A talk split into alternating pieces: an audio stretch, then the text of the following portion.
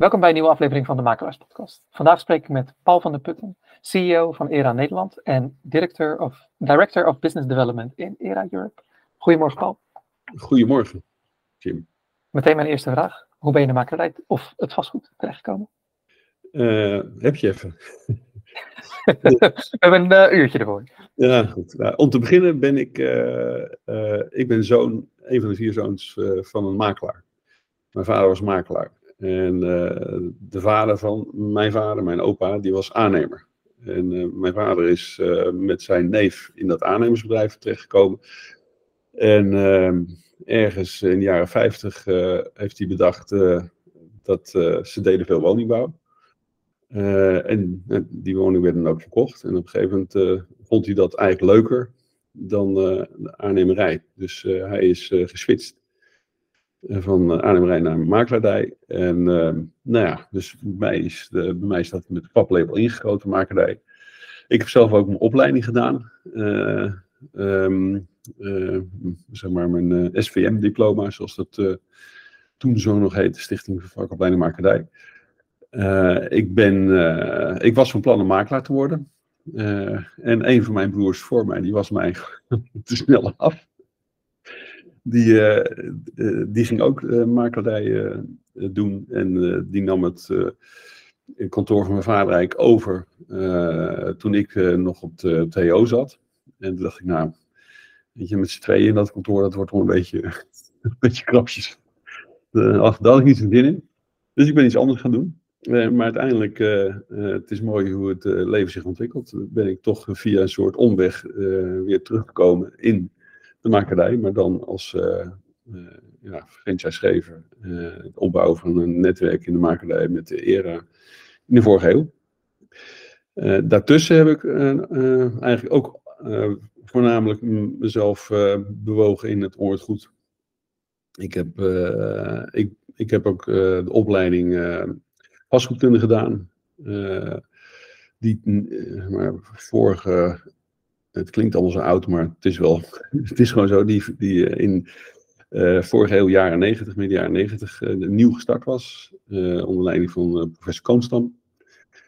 En ehm, toen was ik al werkzaam bij een projectontwikkelaar. en daarvoor ben ik werkzaam geweest bij een, een van de grootste particuliere beleggingsfondsen in eh, Nederland die internationaal heel actief, dat, dat internationaal heel actief was. En mijn werkterrein was Frankrijk en Engeland. Daar heb ik heel veel geleerd. Daar kwam ik ook in contact met nou ja, de internationale makelaardij. En daar raakte ik zodanig onder de indruk dat dat me eigenlijk ook gestimuleerd heeft om die opleiding vastgoedkunde te gaan doen toen ik overstapte naar een projectontwikkelaar in Nederland. Ik heb project ontwikkeld. Dat heb ik ook uh, zeg maar vanaf uh, ja, junior uh, geleerd tot op een gegeven moment zelfstandig projecten kunnen ontwikkelen. En ook daar kom je weer in contact met makelaars. Nou, inmiddels deed ik een opleiding vastgoedkunde. En mijn afstudeerscriptie ging over het niveau van bedrijfshuisvestingsadvisering in Nederland. Want daar vond ik wat van in vergelijking met vooral Engeland vond ik dat in Nederland er nog wel wat uh, te verbeteren was. En, uh, en daar heb ik uh, onderzoek naar gedaan. Ik heb allerlei gebruikers, groot en klein, van vastgoed in Nederland. zeg maar de, Shells en de Philipsen en nou, alles wat, maar ook klein. McDonald's heb ik geïnterviewd. iedereen, die, iedereen heeft gebruikt vastgoed. Nou, de conclusie van dat rapport, die logo er niet om. Ik ben er bijna op afgebrand, om het zo maar zeggen, want dat vond natuurlijk de professionele makerij in Nederland in bedrijfshuisvesting actief, vond dat nogal kritisch.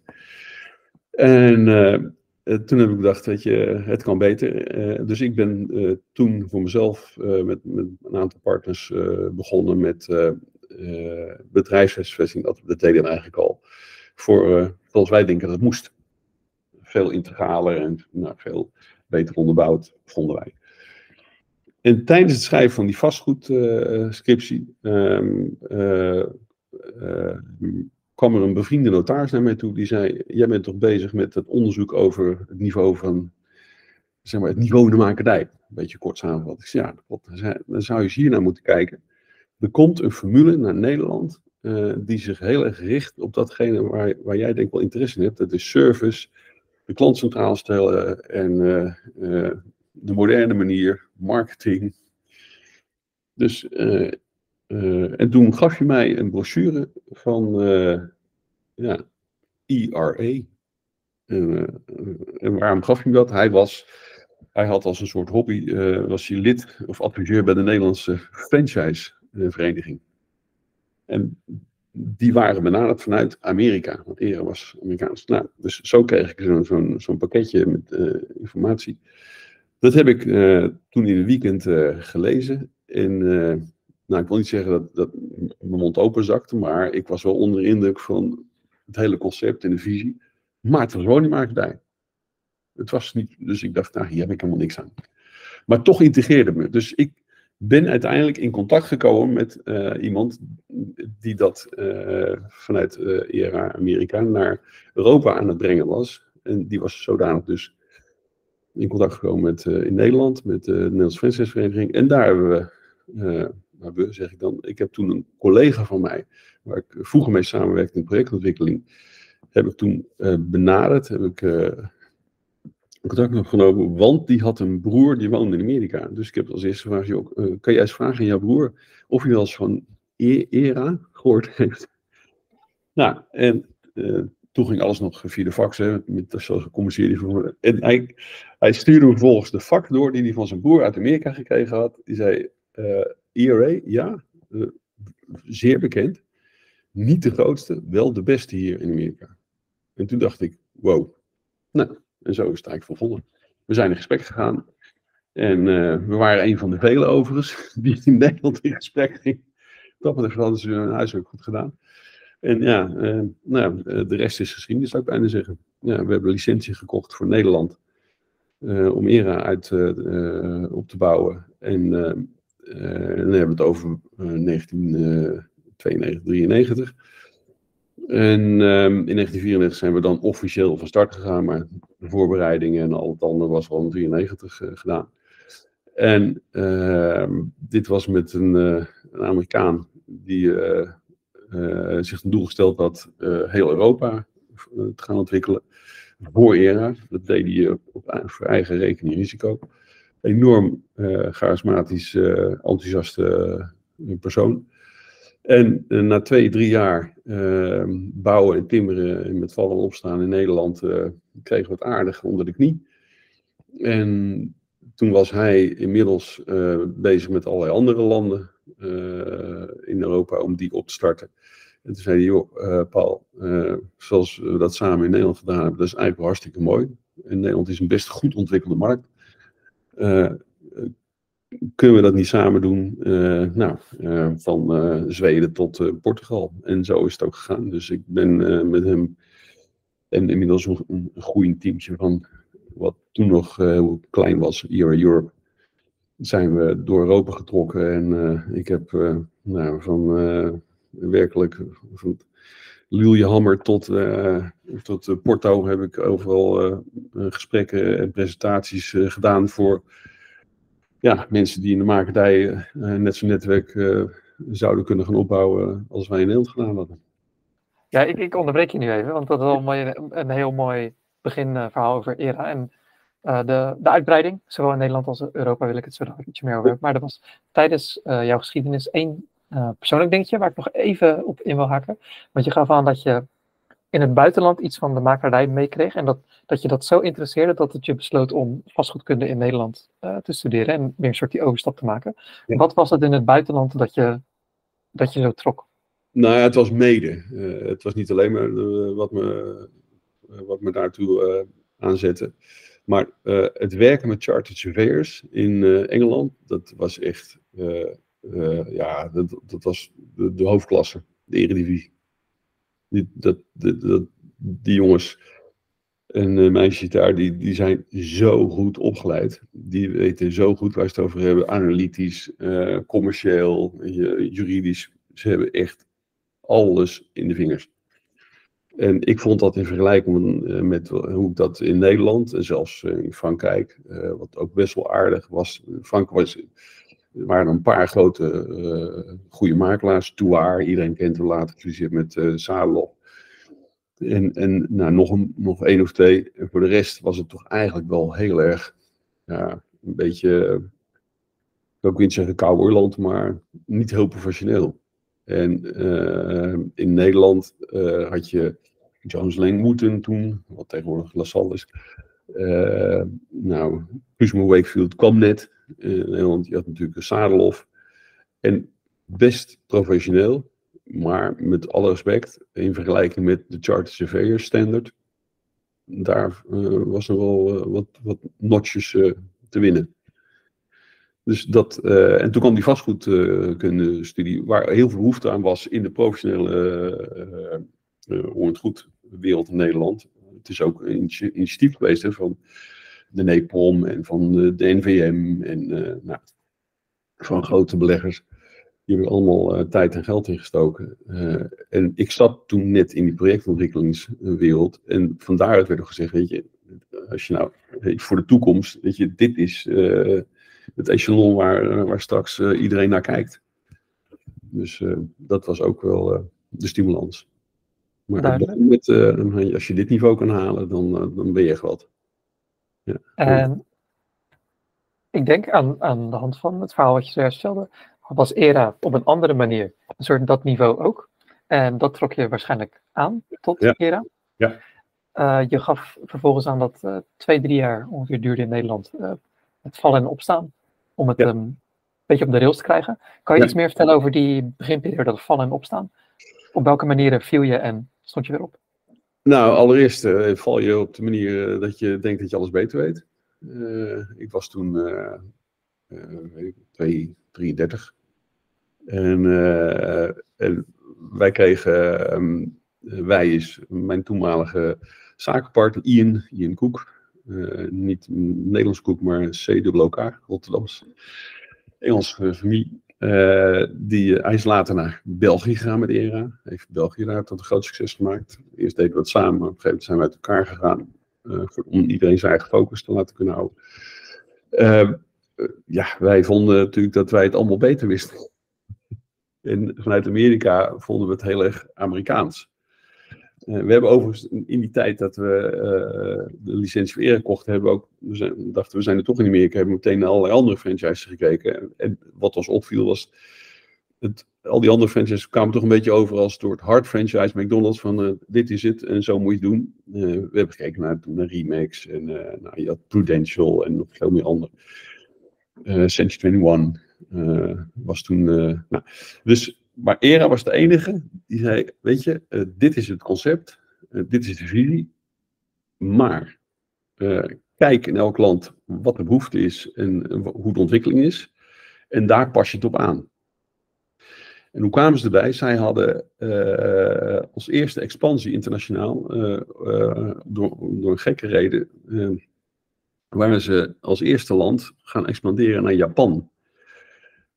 En in Japan is alles anders. Niet alleen de taal is anders, de gewoonte, de cultuur is anders. Jij weet er alles van. Dus het eerste land waar ze heen gingen. En uh, daar zijn ze uh, na aanvankelijk uh, veel nou, aanpassingen, zijn ze behoorlijk succesvol geworden. Dus dat is altijd, dat is de basis geweest zeg maar, van hun internationale visie op expansie. Je gaat eerst naar het land, je gaat eerst kijken en dan pas je je formule aan. Nou, en dat sprak ons natuurlijk enorm aan. Dus wij dachten, oké, nou kom je naar Nederland en dan gaan we even alles aanpassen. Maar wij begonnen, wij begonnen eigenlijk zoveel aan te passen dat het niet meer erg was. Dus toen waren we zo ver doorgeschoten dat uh, onze eerste makelaars, die, die, ze wisten wel dat het, de, de allereerste hebben zelfs meegenomen allemaal naar Amerika om te laten zien, we hebben nog niks in Nederland. Weet je, uh, join us on the trip. Uh, betaalde iedereen zelf. Vlogen naar Amerika en dan maakten we daar een trip van twee, drie dagen. En dan gingen we langs allerlei erekantoren. Die wisten het allemaal Amerikaans was. Maar de volgende groep, die dacht dat ERA gewoon Nederlands was. Omdat het zo Nederlands overkwam. En dat is eigenlijk wel een serieuze fout geweest. Want Uh, daarmee doe je het internationale afkomsttekort, maar ook de, kracht uh, verdwijnt eruit. Je. Het is dan zo, een beetje, uh, ik zeg een, beetje populair, zo platgeslagen Nederlands, zo um, geniveleerd, dat je eigenlijk ook jezelf helemaal niet meer boven het maaiveld uitsteekt. Nou, en op gegeven moment is er ook wel weer een signaal vanuit ons eerste, die noemen wij charter members, onze eerste groep makelaars, die ons hebben geholpen bij het vormen van het, van het netwerk. We, je moet veel meer juist uh, die, die, die, accenten die zo goed zijn vanuit het Amerikaanse. Want dat is heel erg doelgericht, dat is heel erg gefocust, heel erg servicegericht. Dat moet je juist uh, naar voren halen en niet zo heel erg, wat wij in Nederland een beetje gewend zijn, bescheiden maken en dan waardoor het eigenlijk ja, uh, een beetje in de middle of the road wordt. Duidelijk. En we, kunnen dat nu meteen een soort doortrekken naar het heden. Uh, omdat je met vallen en opstaan dus dingen hebt aangepast en verbeterd. En sommige dingen Nederlands geworden zijn. Uh, soms doorgeslagen en vervolgens weer terug een beetje naar de internationale of Amerikaanse roots. Als we dan kijken nu naar ERA op dit moment, uh, 2023. Wat is het concept en wat zijn een soort de, ja, de meerwaarden van ERA? Ja, het ERA is zelf natuurlijk ook geëvolueerd. Ehm, eh, toen wij de licentie van ERA kochten, was ERA een, zeg maar, eh, een, ja, een, een, middelgrote uh, franchise die zelfstandig, onafhankelijk in handen was van een, van een zeer ondernemende familie. Uiteindelijk is het gekocht door een partij die nu een groot conglomeraat is. En ERA nu is niet meer wat ERA toen was. Ehm, het is inmiddels zo internationaal dat je niet meer kan zeggen: dit is Amerikaans. Want uh, wat, wat, wat het goede is, uh, wat eigenlijk al had, maar wat door die vorming in een conglomeraat waar in heel veel uh, merken zitten. ja, is, is een van de zeven, acht merken die vallen onder de moedermaatschappij die nu de eigenaar is. is het eigenlijk altijd ehm, heel erg uh, open geweest voor internationale invloeden. Wij hebben zelfs dingen toegevoegd uh, aan het ERA-concept die internationaal uh, in andere landen, iedereen moet zelf weten wat hij ermee doet, kunnen worden gebruikt. Nou, dus wat is nou het voordeel van ERA? ERA is, allereerst is ERA heel specifiek ontwikkeld voor de woningmakerij. Het is een concept wat makelaars helpt zich te richten op datgene waar zij goed in zijn. Dat is namelijk mensen helpen in hun wooncarrière. Maar daarvoor heb je klanten nodig, daarvoor heb je opdrachtgevers nodig. En dat is exact waar ERA zich op richt. Hoe krijg ik uh, mijn, mijn nieuwe opdrachtgevers? Elk jaar begint uh, voor de makelaar, in de makelaar begint het met het tellen op nul. Weet je, hoe krijg ik verkopende opdrachtgevers en aankopende opdrachtgevers? Nou, en wat ERA heel erg goed systematiseert, is uh, het bereiken van groei. Dat is ook altijd de voorwaarde. En dat hoeft niet altijd te zijn groei in opdrachten. Het kan ook zijn groei in, uh, in omzet. Het kan zijn in groei in meer variëteit. Het kan zijn groei in productiviteit. Weet je, dat is wat ERA brengt. En, uh, en dat vraagt ook dat je dus verdiept in wat in dit geval in, voor ons dan geldt wie is, wie is onze klant? De, de, de, onze franchise-nemers. Uh, dat zijn makelaars, ondernemers. Wat willen ze? Willen ze groeien met een team? Willen ze groeien met vestigingen? Willen ze groeien in persoonlijke ontwikkeling? Weet je? En al naar gelang dat ingevuld wordt en duidelijk wordt, maak je daar een, ja, een persoonlijk plan voor. Nou, dat is wat ERA biedt en dat is zeg maar, het is zo veelomvattend dat je, uh, uh, wij zelfs nog iedere keer moeten oppassen dat we niet verdwalen. Dat je heel erg moet weten, op moet letten, nou, dit is wat we willen. En je, het is heel aantrekkelijk om je te laten afleiden van we kunnen dit en we kunnen dat en we kunnen dat. En, maar maak een plan en blijf erbij. En er is zoveel in de winkel te halen.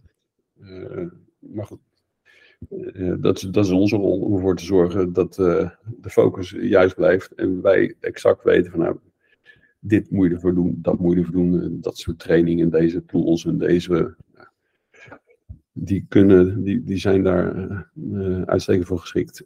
In grote lijnen is het zo dat er, is een harde kern van dingen uh, die voor iedereen hartstikke goed werken.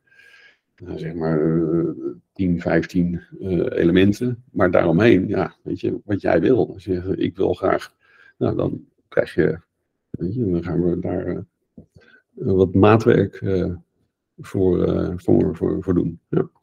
Zijn dat dingen die jullie als ERA Nederland of ERA Europa hebben ontwikkeld? Of zijn dat dingen die ook vanuit um, ja, ERA, het, het moederconcern, komen? Uh, het, meeste, uh, het meeste is internationaal aanwezig. Het is een enorm arsenaal.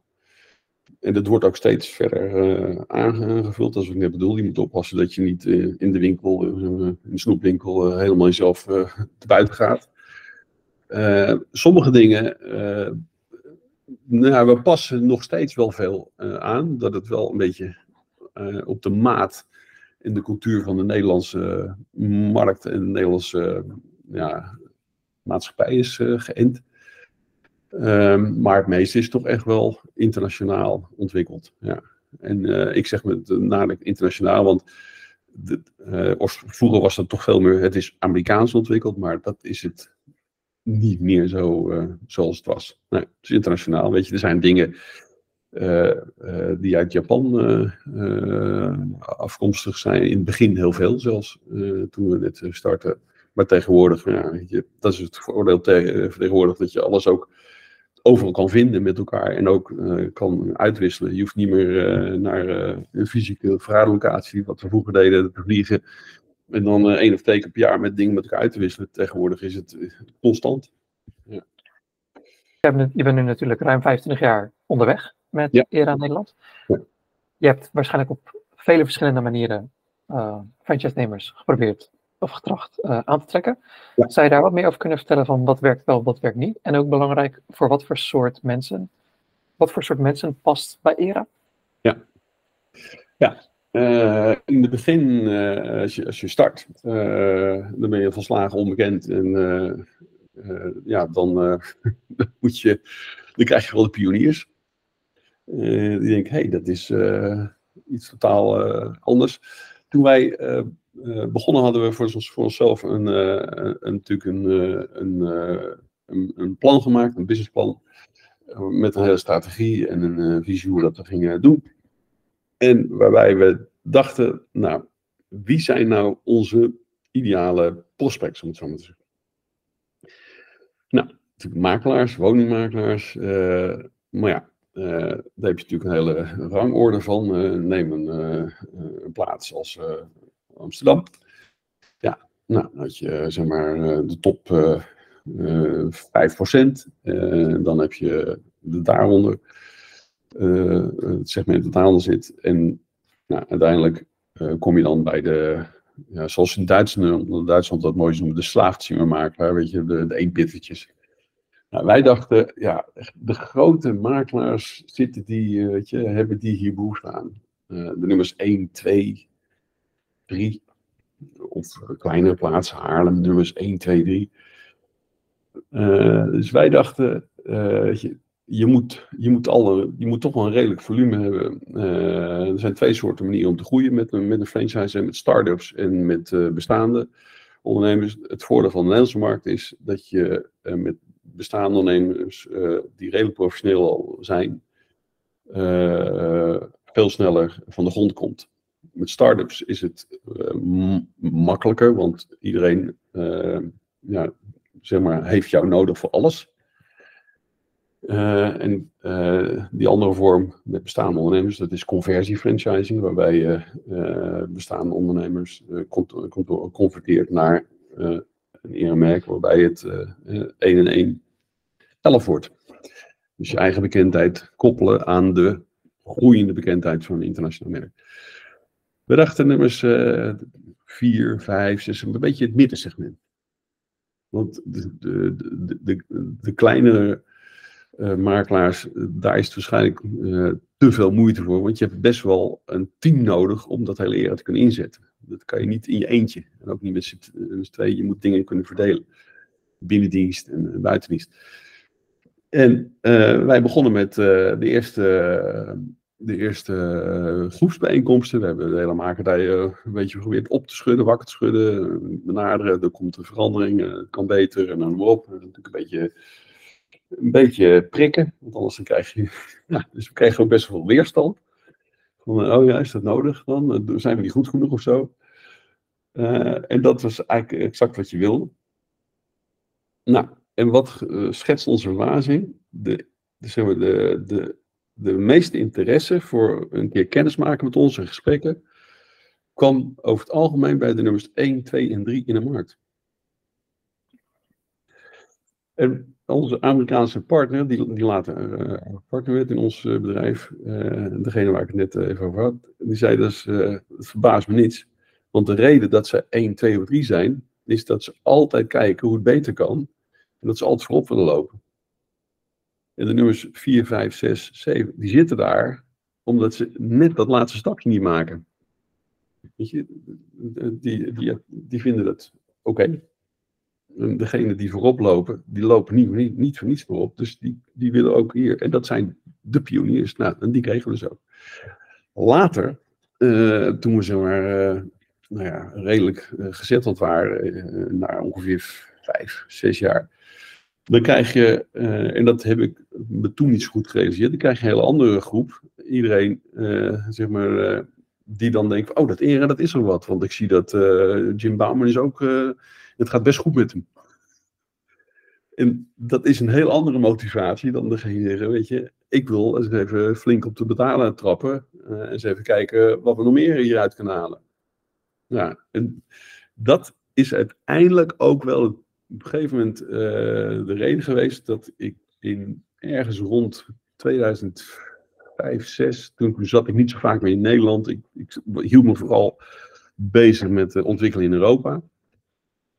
Uh, ik was nog wel in Nederland zichtbaar, maar achter de schermen deed ik eigenlijk niet zo heel actief. Deed ik, de voorgrond operationeel deed ik niet veel meer. Ik had daar toen adjunct-directeur voor. En uh, we groeiden en we groeiden. En op een gegeven moment liep ik op een bijeenkomst, een van onze landelijke bijeenkomsten. De, de hele sfeer en cultuur is niet meer wat ik. Dit is, dit is. Ik kende heel veel mensen ook niet meer. Uh, nou is dat niet zo gek als je wat minder aanwezig bent.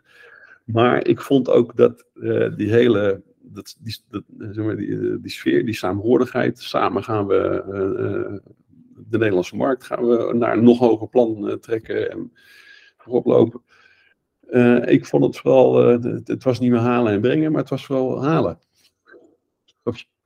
En, en de, de, de, de reden dat we die in het begin zo enorm succesvol zeg maar, het vliegen aan, aan het draaien kregen, was de, de, ja, de, de, weder, de wederkerigheid die er toen heel erg was.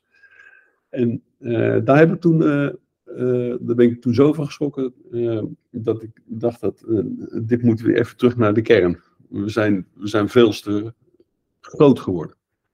En, en, en, en, en een soort anoniem naar elkaar toe. Want dat is heel erg wat in het netwerk zit. Dat iedereen elkaar heel erg goed kent en elkaar helpt. En, nou, dus, en hebben we het over 2007. En dacht ik, ik ben ook wel een beetje uitge, uitgereisd. Het was wel een uh, vrij uh, vermoeiend bestaan. om steeds heel Europa. het was fantastisch, maar in veel veel leer. Nou, op een gegeven moment, zeker als je een gezin hebt, wat opgroeit, ja, je leeft, je, je, je brandt de kaars aan twee kanten. Dus toen dacht ik, het is ook misschien wel een mooi moment om nu weer gewoon even zelf op de bok te gaan zitten in Nederland. En ja, soms heb je geluk, soms je pech. Ik heb natuurlijk ook wel pech gehad. Waarom is dit geluk geweest? Uh, in 2008 bedacht ik uh, dat ik uh, weer zelf vooral de leiding in Nederland wilde nemen om toch weer een beetje, nou, ik zeg maar van aardig een beetje te reorganiseren en saneren. En weer even eer te maken wat eer moet zijn. En ehm, ik ben daar goed en wel net mee bezig. En ja, september 2008 gebeurde iets dramatisch. Wat overigens in Amerika in 2005, in de congres die we jaarlijks hadden, al werd. En toen heb ik nog als een van de vele internationals uh, aanwezig gedacht, ja, die Amerikanen zijn zo dramatisch. dat dit uh, over de hele wereld zich gaat verspreiden. Ik geloof er helemaal niks van. In 2006 zei ze het nog een keer. Weet je, let op, dit blijft niet alleen beperkt tot Amerika. Dit is zo uh, geïntegreerd.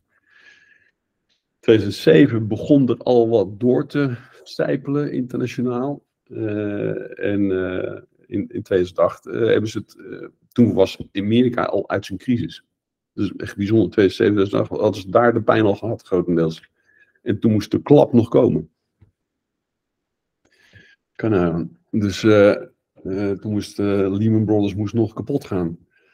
Maar toen was de eerste leed daar in de woningmarkt was al geleden. Want die hypotheken, die, die pijn die hebben, ze, die hebben ze vrij snel gelikt. En daardoor ging Lehman Brothers ook. Uh, maar en was, dat, was dat voor jou dan ook een trigger om, om wat je zei, je, je had het erover dat je era weer een soort wilde, weer wilde focussen ja. op een bepaalde soort groep. Ja. Um, en is dat vervolgens waar je je ook mee bezig hebt gehouden tot de dag van vandaag? Ja, daar heb ik mee eh, bezig gehouden. En de crisis heeft enorm geholpen, kan niet ontzeggen. Okay. Uh, want het ging, ook, het ging ook helemaal nergens meer over. Uh, gelukkig uh, behoor ik tot de generatie die een paar keer crisis heeft meegemaakt in de, in, de, in, de, in de woningmarkt. Ook nog toen ik thuis woonde met mijn vader in de jaren zeventig. Kan ik dat heel goed herinneren. Maar dit was wel een hele serieuze, ernstige. En het heeft geholpen om, nou, ik wil niet zeggen, ja, de, de, een schifting te maken. Dat, dat gebeurde eigenlijk als een soort vanzelfsprekend. Of uit, zichzelf. Uh, wat wel, wat ik niet voorzien had, was dat in de landen waar ik net van bedacht had, dat ik me niet meer mee bezig hoefde te houden.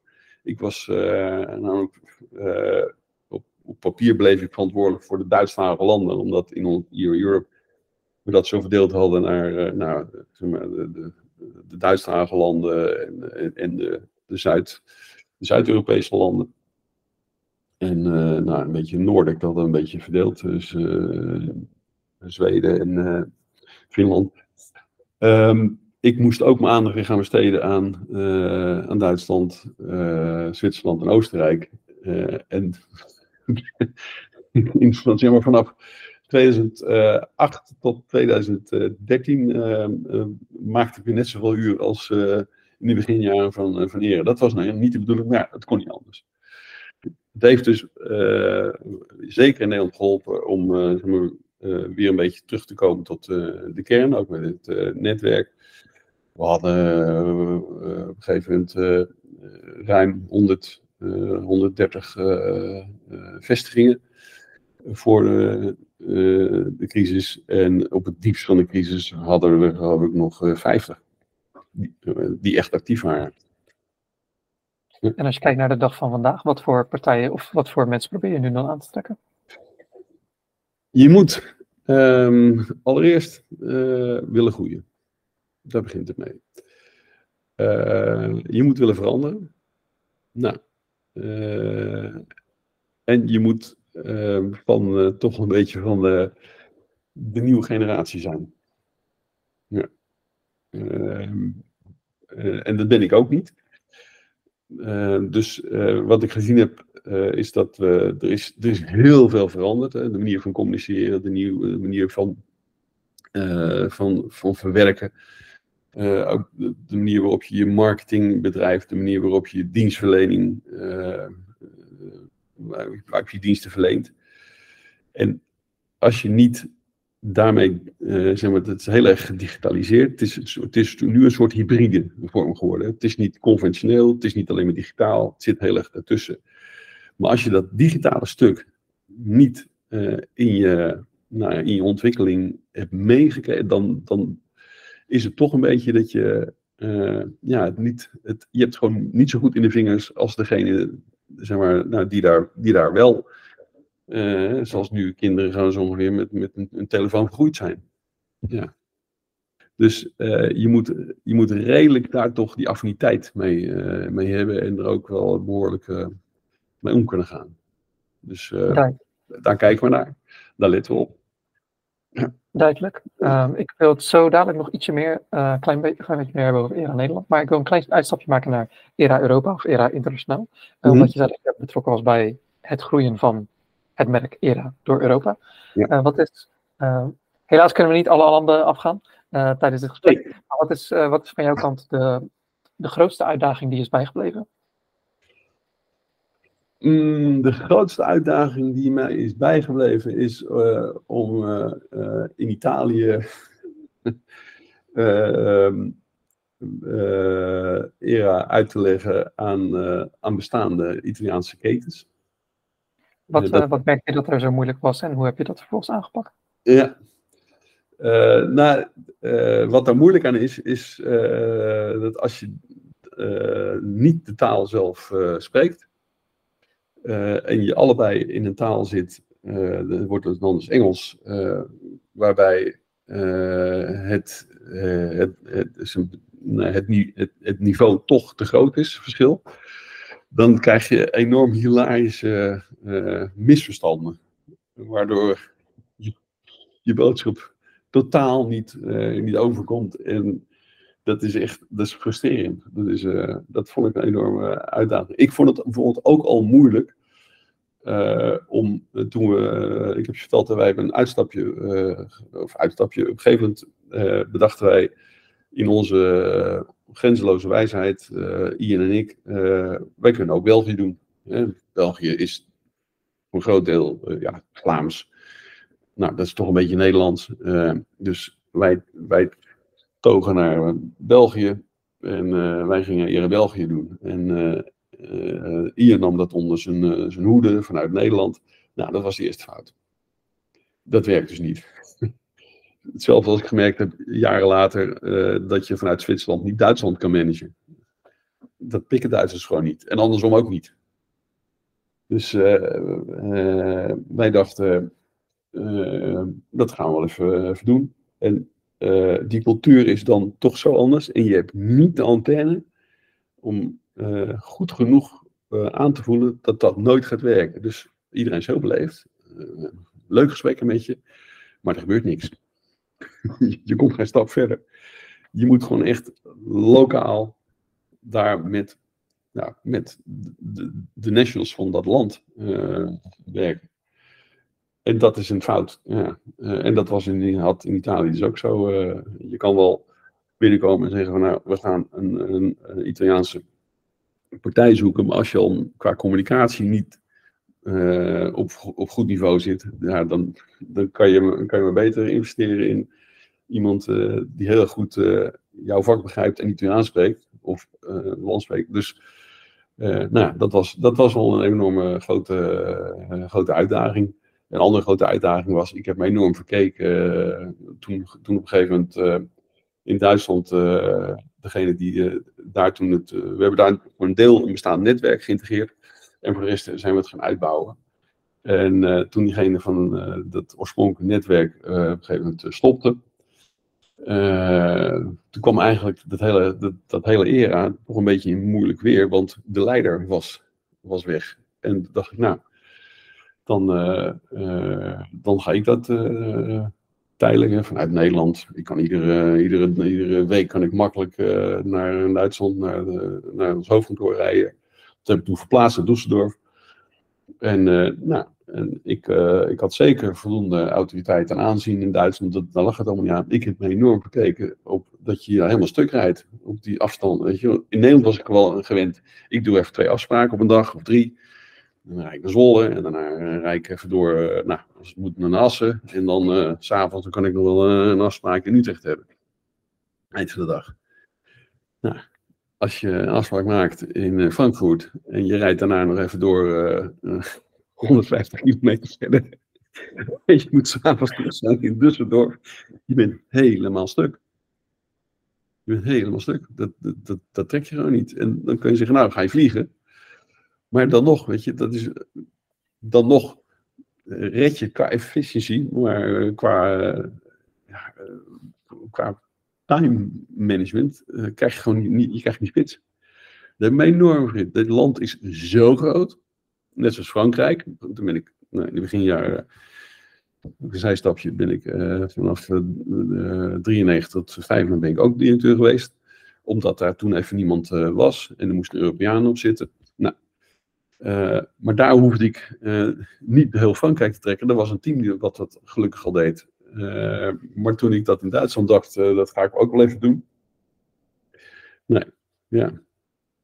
En als we kijken naar het heden, voor ik wil even Europa met Nederland vergelijken. Het kan ERA zijn, maar kan ook gewoon de Europese makelaardij en de Nederlandse makelaardij. Wat zie jij of wat vind jij waar Nederland heel goed in is? En waar kan Nederland nog heel veel leren van andere landen? Nederland is zeer professioneel. Uh, zoals, wat bedoel je daarmee? Nou, de, de, zeg maar, het niveau van uh, professionaliteit, van opleiding, van kennis, van uh, vakkundigheid integriteit is uh, in Nederland hoog. Ja, er zijn een paar landen in Europa die dit ook hebben. Engeland heeft dat zeker, Zweden, Ierland. en inmiddels begint dat, en dat is het mooie natuurlijk van Europese integratie. Daar wordt van ook vanuit de Europese gemeenschap wordt er best wel veel aan gedaan via harmonisatieregels. zie je dat in heel Europa het niveau steeds professioneler wordt. Maar Nederland heeft het toch echt wel goed voor elkaar. Uh, zijn, we, zijn we het allerbeste jongetje van uh, de, de makerdijklas? Nee, er zijn er meer. Zweden heeft ook een heel hoog niveau. Ehm, net zoals Japan overigens. Um, en zoals gezegd, Ierland, Engeland. In België inmiddels ook zeer hoog. Toen wij begonnen in België was, het, was dat naar onze mening niet zo. Inmiddels is uh, de titel makelaar in België weer beschermd. En terwijl in Nederland dat in de jaren 90 werd losgelaten. Grappig genoeg, rond de Dus ehm, wat een groot. dus ik denk dat wij zeker qua manier van werken en, en, en efficiëntie en effectiviteit, dat we behoorlijk aan in de top zitten.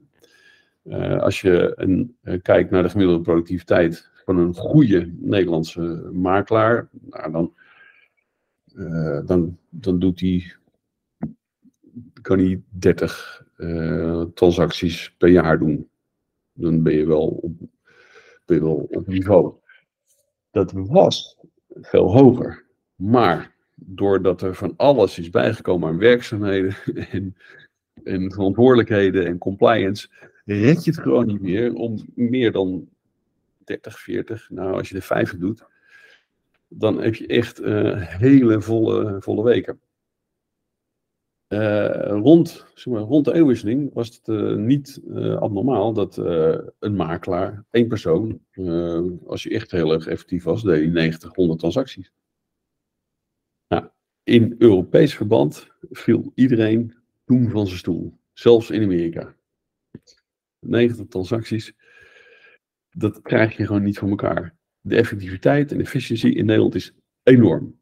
Net zoals uh, mijn Amerikaanse partners, uh, want ik heb dus Amerikaanse partners in, zowel in, Nederland als in allerlei andere Europese landen waar we samen, gezamenlijk eigenaar uh, of mede-eigenaar van zijn, vinden dat Schiphol het meest efficiënte de meest efficiënte luchthaven ter wereld is. En zij kunnen het echt weten, want ze reizen zich helemaal surf. Dus die efficiëntie in Nederland is heel erg hoog, toonaangevend. De vakkundigheid is hoog, de professionaliteit is hoog. Maar wat, waar we echt kunnen leren is uh, hoe we onszelf laten belonen. Wij zijn dus een van de slechtst betaalde makelaars ter wereld. Hoogst opgeleid, meest efficiënt. Nou, high integrity, low pay. Engeland, ook laag, overigens. Uh, ook wel uh, Ierland. Ook wel, het lijkt alsof er een soort verband zit tussen hoe, hoe hoger je niveau. In België is de gemiddelde commissie nou, uh, een courtage 3%. En dan zijn ze ook inmiddels best hoog opgeleid. In Duitsland zei de makers al tegen mij: Paul, wij begrijpen er niks van. Wat we heel veel doen, meneer, is uitwisselen. Dus uh, Duitsers op bezoek in Nederland, Nederland op bezoek in Duitsland. Dat is het leuke van het Europese netwerk. Je leert zo verschrikkelijk veel van elkaar. Hoe doen jullie dit? Hoe doen jullie dat? Nou, dan kwamen Duitsers, en hoorden Duitsers hoe wij in Nederland werken. Nou, weet je, met, met een hele goede georganiseerde hoe heet het, vakgroep of um, beroepsgroep. Of een NVM is, of VBO, of vastgoedpro. Ja, en dan zien ze dat. En nou, wat kost en wat rekenen die dan? Nou, in Duitsland, ja, tussen de 4 en 6 procent. Dus die Duitsers, ik, ik begrijp er niks van. Dus wij rijden de grens over bij Arnhem. Dus uh, vlak voor, nou, bij Wezen of uh, Bocholt. Daar, daar kunnen wij gewoon nog, daar zijn mensen gewend om voor onze dienstverlening, die ook best goed is, maar bij jullie is het toch echt wel nog wat beter. Daar betalen mensen 4 tot 6 procent. En dan gaan we de grens over. En dan zijn mensen niet, zijn mensen opeens bereid, niet bereid om uh, hetzelfde te betalen voor, voor nog betere dienstverlening. Wij begrijpen er niks van. Wat probeer je daar met ERA aan, aan te doen, eventueel? Richting ook de franchise-nemers? Uh, sowieso met ERA. Uh, wat wij eraan doen is duidelijk maken dat het nooit gaat om de prijs van je dienstverlening. Als je dat denkt, dan moet je niet in de, in de, in de, in de service business industrie zitten. Diensten lenen zich niet voor prijsconcurrentie. als je dat wel denkt, dan worden diensten onderling uitwisselbare eenheden en dan is het geen dienst meer. Een dienst is een dienst omdat hij als persoonlijk wordt ervaren, omdat hij als maatwerk wordt ervaren, omdat het service is. Service leent zich heel erg slecht, eigenlijk niet voor prijsconcurrentie. Um, wij, wij, wij proberen iedereen dat constant, dat is een, een, een, uh, een frappe toujours uh, oefening. Je moet altijd dit op de volgende blijven houden. En ook uit allerlei internationale onderzoeken blijkt. Als je nou vraagt naar mensen, wat vindt u nou belangrijk aan in een, in, in, als u een woning gaat kopen, verkopen? Wat zijn nou de belangrijke criteria voor u, waar u beslist en, en, of achteraf wat u heel erg belangrijk vond? Dan staat prijs van de dienstverlening ergens nou, op, op zijn hoogste drie, maar ergens in midden. Ze willen graag uh, het idee hebben dat ze uh, de enige klant, de enige zijn. Ze willen graag uh, netjes geholpen worden. Ze willen graag. ze zoeken vertrouwen, ze zoeken bekendheid. Ze zoeken begeleiding, ze zoeken coaching. Dus ze willen eigenlijk gewoon ontzorgd worden. Zodanig dat ze nou, zich helemaal gewouwd. Nou, dit is zo goed. Dit is echt fantastisch. Nou, en daar zijn allerlei manieren voor. En daar is, heeft, speelt prijs een, bijna geen rol, ondergeschikte rol. En dat is heel lastig uit te bannen in een land waar, waar iedereen denkt uh, dat alles altijd om prijs draait. Dat is een beetje een Nederlandse koopmansmentaliteit. Maar dat is dus helemaal niet zo. Ik zou hier nog heel graag over door willen praten. Ik denk dat we nog makkelijk Europa en Nederland uh, twee, drie uur lang kunnen vergelijken. Ik denk dat we een, deel 2 daarvoor over op moeten nemen. Uh, om het langs maar zeker af te gaan ronden, wil ik het weer even terugbrengen naar ERA Nederland. Mm -hmm. Dit kan momenteel zijn, maar het kan ook de afgelopen paar jaren zijn. Wat merk je als franchisegever, als ERA Nederland, richting je franchise-nemers, dus de ERA-makelaars? Wat is de grootste uitdaging waar je mee te kampen hebt of kampen hebt gehad? En hoe heb je dat aangepakt? Nou, de grootste uitdaging, uh, um, uh, dat is een uitdaging die de makerij heeft. Um, uh, mede veroorzaakt door de vorige crisis, de, de vergijst. Heel erg. En het, kijk maar naar hoeveel mensen er in opleiding zijn, bij, in klasjes of bij, bij, bij vakken, vaktoetsen praktijktest.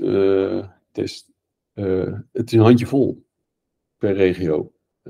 En dat is een enorme uitdaging. En dat is ook uitdaging voor, voor, voor onze franchise-nemers.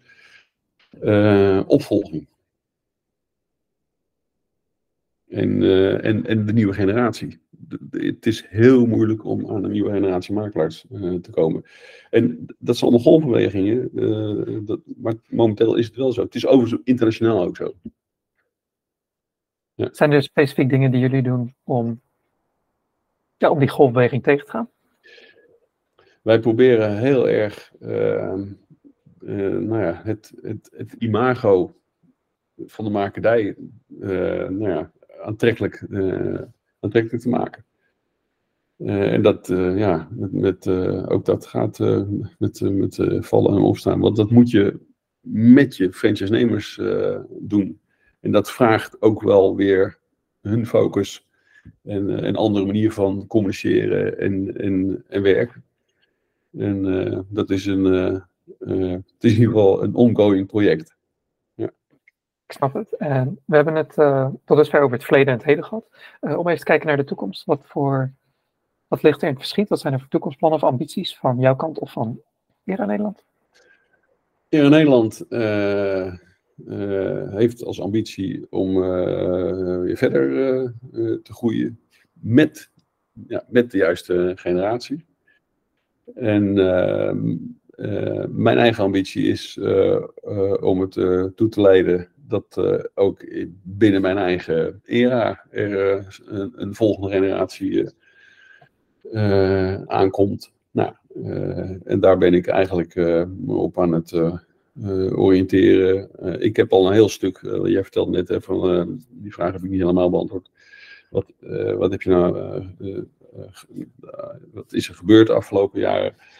we hebben best wel wat eh, veranderd en gewijzigd. We hebben alles wat wij hebben. Eh, dat, dat was het goede moment van de vorige crisis. En de uitloop daarvan en, en de digitalisering waar we nu in zitten. We hebben alles tegen het licht gehouden. En het voordeel is als je onderdeel bent van een groot internationaal netwerk. Dat je, dat je overal kan zien wie wat doet en waarom. Dus we hoeven niet heel erg het wiel uit te vinden. Eh, we moeten vooral heel erg goed kijken wat er uh, om ons heen gebeurt. En, uh, en daar de juiste, de, juiste keuzes in maken. Nou, en dat proces, uh, dat hebben we eigenlijk een paar jaar geleden ben ik gaan inzetten. Ook mijn eigen team. heb ik ook naar gekeken van alle functies die we hebben. En het is niet dat wij nou een enorm grote corporate zijn. We hebben eigenlijk maar een heel klein kernteam van zes mensen. En de rest huren we allemaal in. Uh, dat is ook de moderne manier van werken. Toen ik ooit begon, toen waren we net vijf jaar bezig en toen kwam een Amerikaanse partner, uh, die kwam op kantoor en die zei, er staat er twintig man. En die zei, Paul, dat klopt niet qua ratio's hier. Je hebt, weet ik wat, zoveel kantoren, je hebt zoveel omzet, er zit hier twintig man. Ja, allemaal nodig. Nou, eentje maakte natuurlijk, de andere deed automatisering. Ik had een trainer en die. En, nou ja, ik denk dat je even moet kijken. Dit zijn ongeveer de, de kengetallen, de kencijfers. Nou, dus sinds die tijd dacht ik, nou ja, misschien heb ik toch een beetje geluisterd, wat minder eigenwijs, en had helemaal gelijk. Uh, en sinds die tijd heb ik altijd heel erg min gehouden. En de vorige kiezers heeft dat natuurlijk enorm weer geholpen. Dus de ambitie is om uh, dat wat we nu heel erg weer zeg maar, tot de kern terug hebben gebracht, om dat te bewaken. Okay. En, met, en, met, uh, en met, die, met die focus uh, nou ja, uh, het naar, de, naar de toekomst door te leiden. Ja. Voordat ik mijn twee afsluitende vragen stel, is er van jouw kant nog iets wat je graag wilt delen met kijkersluisteraars en uiteraard ook advies richting een jongere generatie? nou, richting een jongere generatie, als er nou één vak is, echt waar, wat altijd leuk is. Iedere dag anders. Waar je enorm goede boterham in kan verdienen. Serieus. Dan is het echt een makerij. Ja. Dus nog steeds zo. Het is echt fantastisch. Er is geen dag hetzelfde. Je helpt mensen aan iets waar ze heel blij van worden. En ja, het is een soort roeping. Als je, uh, als, je, als je dat voelt, dan is dit een van de leukste. Find uh, a job you love and you never have to work a day in your life. Nou, dat is uh, advies aan de jonge generatie. En weet je, iedereen die echt een verschil wil maken met zijn kantoor uh, voor nu en in de toekomst, uh, weet je, waardoor je nog beter kan excelleren in waar je zelf goed in bent, die moet overwegen om hieruit te worden. Serieus. Het is nog steeds. Ik, ik heb heel veel gezien en ik praat natuurlijk vrij gesproken. Er zijn hele goede uh, concepten. ERA is nog steeds wel in, in, in Europa zeker. Uh, nou, in, Europa zijn we de grootste, maar ook wel de beste. En dat blijf je niet zonder heel veel zoeken en ploeteren en effort. Ja. Dankjewel. Ik zal in dat geval mijn afsluitende vraag ook even omdraaien. Hoe kunnen mensen dan het beste contact met jou en Era opnemen? Ik ben heel erg makkelijk te bereiken, altijd. het makkelijkste op, op, LinkedIn sowieso. kan je mij vinden. Paul van den Putten. Mijn e-mail is paul.ere.nl. Eh, en ik reageer altijd. We waren er vroeg bij, heerlijk is dat. Hè? Ja, wij, wij, begonnen met, uh, met onze website en mail toen iedereen nog op de fax zat. Ja. Hier in Japan zijn er nog steeds partijen die faxmachine hebben. En je kan nog steeds faxen naar bijvoorbeeld de overheid. Ja, ja zeker. Dus, hier, hier, in Japan zijn er ook wel schrappen dat dat ze taxidiensten, dat ze in vooral de afgelegen gebieden taxidiensten willen aan gaan aanbieden. Uh, via applicaties en dergelijke. Maar dan zeggen de buitenlanders vaak als een grap van uh, nee, dat, je kan alleen taxidiensten inschakelen door middel van een fax, fax te sturen. dus ja, Japan veel mensen hebben het idee dat het geavanceerd is. En in sommige opzichten is dat ook zo. Maar in sommige opzichten is het echt heel erg achterhaald. Maar dat is een verhaal voor een, voor een andere keer. in ieder geval bedankt voor de contactgegevens. Ik zal er uiteraard voor zorgen dat die in de omschrijving staan. Zodat het voor iedereen makkelijker is. Ja. mijn laatste vraag dan. hier hebben we het vooraf ook een beetje over gehad. aanbeveling.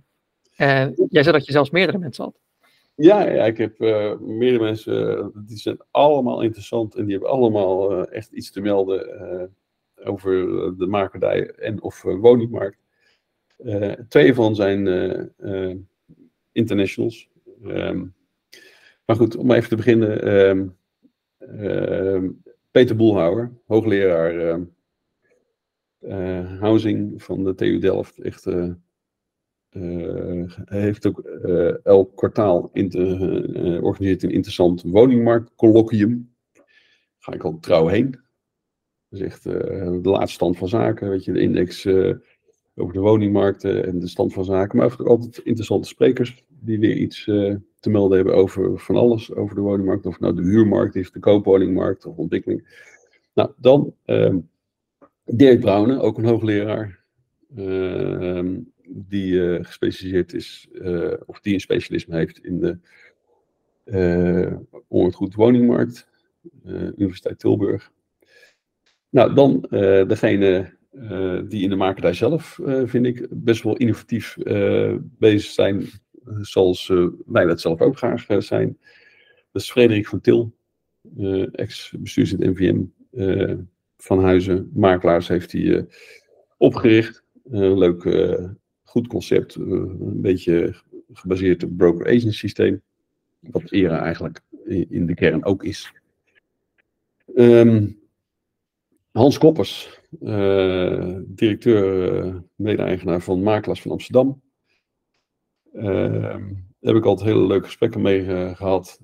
die heeft een mooie visie over hoe de op de moderne manier georganiseerd en geleverd zou, zou moeten worden. Ja, en dan mijn internationals, dat is mijn collega van ER Europe, François Gagnon. Een zeer bevlogen en, uh, en, en uh, onderhoudende spreker. Als je me ooit uh, zou interviewen. Um, en een Amerikaan waarvan ik vind dat hij heel erg goed zeg maar de weg leidt in, de, in, de, in wat soms wel eens een beetje als digitale revolutie gezien wordt in, de, in, de, in, in real estate, Matthew Ferrara ik denk niet dat je hem heel erg makkelijk uh, te spreken krijgt, alhoewel hij best wel toegankelijk is, uh, maar echt enorm interessant om te horen wat zijn visie is op weet je, de zin en onzin van allerlei ontwikkelingen. En, en, en allemaal, dat is mooi van elkaar, allemaal gericht op heel erg concreet. wat is het doel? Wat heb je eraan? Dankjewel. Hier ben ik uh, denk ik een maandje mee zoet als ik ze allemaal weet te spreken. Ik zal ze hier allemaal benaderen. Het, het, zijn nu, het klinkt nu als interessante gesprekken en ik denk dat kijkers en luisteraars hier ook van kunnen genieten. Dan wil ik je hartelijk bedanken voor je tijd, Paul. Alsjeblieft, jij bedankt voor jouw tijd en nou, wij, we spreken elkaar ongetwijfeld nog een keer. Ja, we spreken elkaar zeker snel. En kijkers en luisteraars, tot de volgende keer.